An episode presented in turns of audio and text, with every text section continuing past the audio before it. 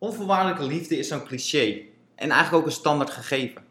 Het staat buiten kijf dat je onvoorwaardelijk van je kind houdt. Maar waarom heb ik er dan toch voor gekozen om er een aflevering aan te wijden? Nou, omdat soms iets voor jou heel erg duidelijk is en vastgegeven is en je ook denkt dat je dit voldoende uit, zonder dat je precies en specifiek weet hoe je dit uit, waardoor het niet zeker is of het ook echt overkomt bij je kind. Die wateren gaan we vandaag onderzoeken.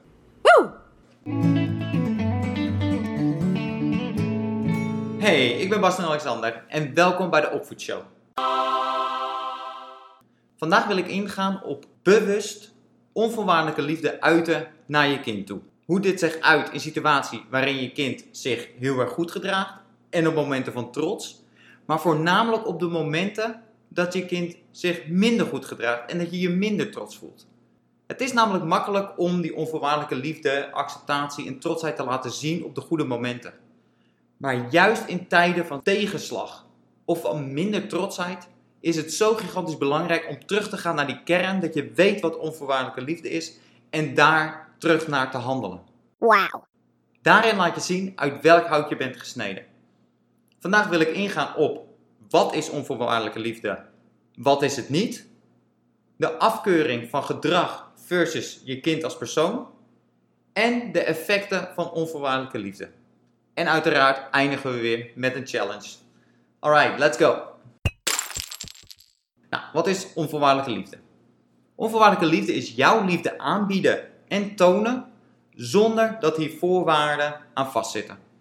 Onvoorwaardelijke liefde naar je kind dus in elke fase. In de mooie momenten en in de moeilijke momenten. Waarop je dus voornamelijk de onvoorwaardelijke liefde laat zien in de moeilijke tijden. Nou, wat is onvoorwaardelijke liefde niet? Het betekent dus niet dat je niet boos mag zijn op je kind. Of je kind vervelend vinden. Maar het gaat erom dat er geen grenzen zitten aan jouw liefde. En dat er geen voorwaarden zitten aan jouw liefde. Dat hoeft dus niet te betekenen dat je je kind altijd geweldig vindt en dat er een schuldgevoel moet plaatsvinden op het moment dat je denkt van gloeiende, gloeiende. Dat is het niet.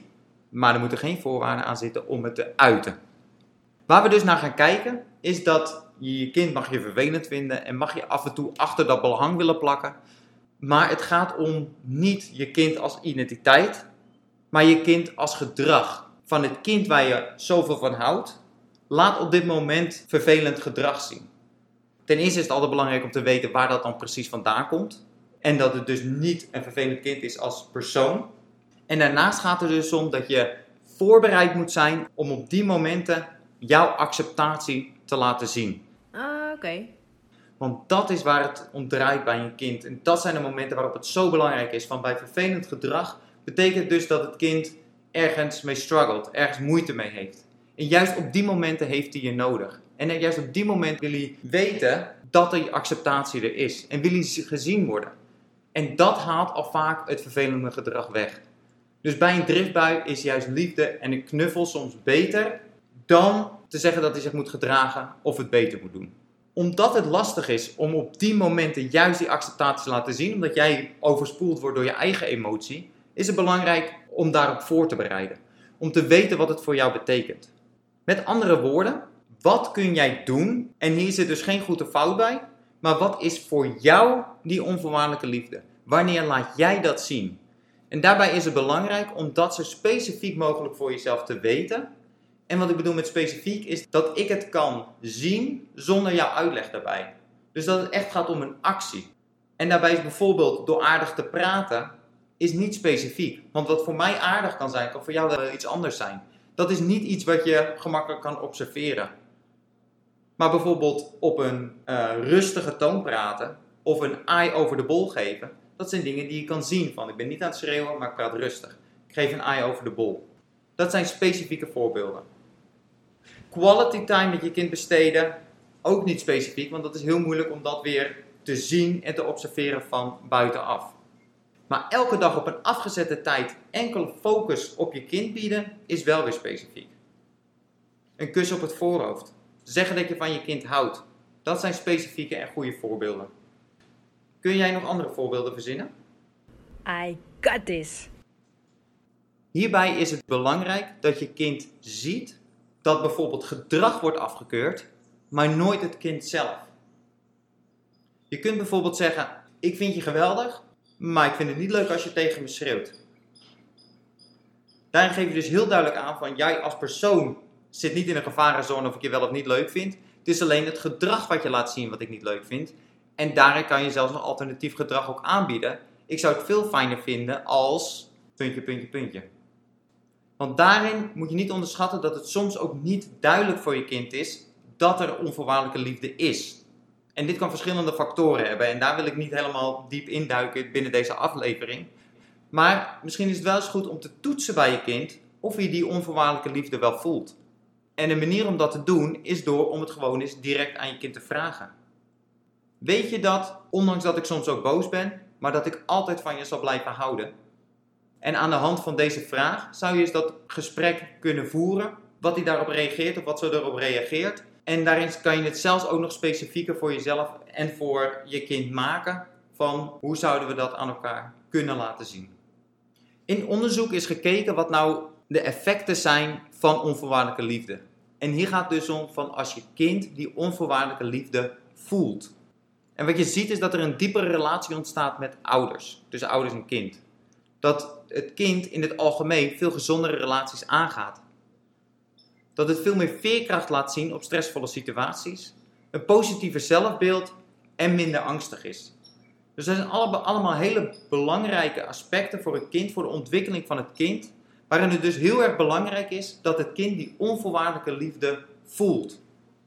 En daarom wil ik ook echt pushen om dat gesprek eens aan te gaan of je kind dat voelt. En wat hij daarop zegt, of zij daarop zegt, als je die vraag zou stellen, weet je dat ik altijd van je zal blijven houden. Dat kan een heel interessant gesprek zijn, dus ik zou absoluut willen voorstellen om dat gesprek aan te gaan. Ik snap dat dit niet een super sexy onderwerp is. En dat je misschien denkt van ja, dat zit wel goed en dat doe ik wel voldoende en daar maak ik me geen zorgen over. En dat het ook heel gemakkelijk is om er weer overheen te stappen en naar het volgende te gaan. Maar zoals ik ook al zei, die effecten van, vanuit dat onderzoek van het is zo'n primaire behoefte van het kind om die onvoorwaardelijke liefde te voelen en die acceptatie te voelen. En nogmaals, op die mooie momenten maak ik me absoluut niet zorgen om. Ik denk voornamelijk dat op momenten dat het lastiger is, dat daar groei te halen valt. En dat je daarna eens kan kijken van, hé, hey, wat is die onvoorwaardelijke liefde nou precies voor mij? Hoe kan ik dat uiten? En om daar eens mee te experimenteren op die moeilijke momenten. En dan te zien wat ter plekke het effect is op het gedrag van je kind. Ik hoop dat dit het zetje is om er eens over na te denken. En om het gesprek met je kind aan te gaan.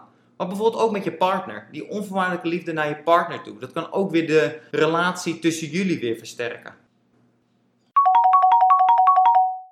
En dan is het alweer tijd voor de challenge. Eigenlijk heb ik het al gezegd. Maak die onvoorwaardelijke liefde voor jou specifiek. Maak een lijstje met vijf of zes dingen die je kunt doen of die je kunt zeggen, die observeerbaar zijn, waarin jij onvoorwaardelijke liefde laat zien en hou die in je hoofd. En probeer en experimenteer er eens mee op moeilijke momenten als je eigenlijk zelf ook emoties naar boven voelt komen in een boosheid, in een frustratie. Om dan eens aan het lijstje te denken en daar eens naar te handelen. En dan te zien wat het effect daarvan is. In relaties worden er altijd patronen ingeslepen. Waarop mensen al een bepaalde verwachting hebben hoe de ander gaat reageren. Waardoor een situatie al heel gemakkelijk te voorspellen is hoe die kan escaleren bijvoorbeeld. Maar door zo'n lijstje, door, door te weten wat je kan doen, verbreek je dat patroon. Waardoor je een hele andere uitkomst kan hebben. En dat kan je absoluut verbazen hoe snel dat kan gaan. Dus nogmaals, ik hoop echt dat je dit serieus neemt en dat je hiermee aan de slag gaat.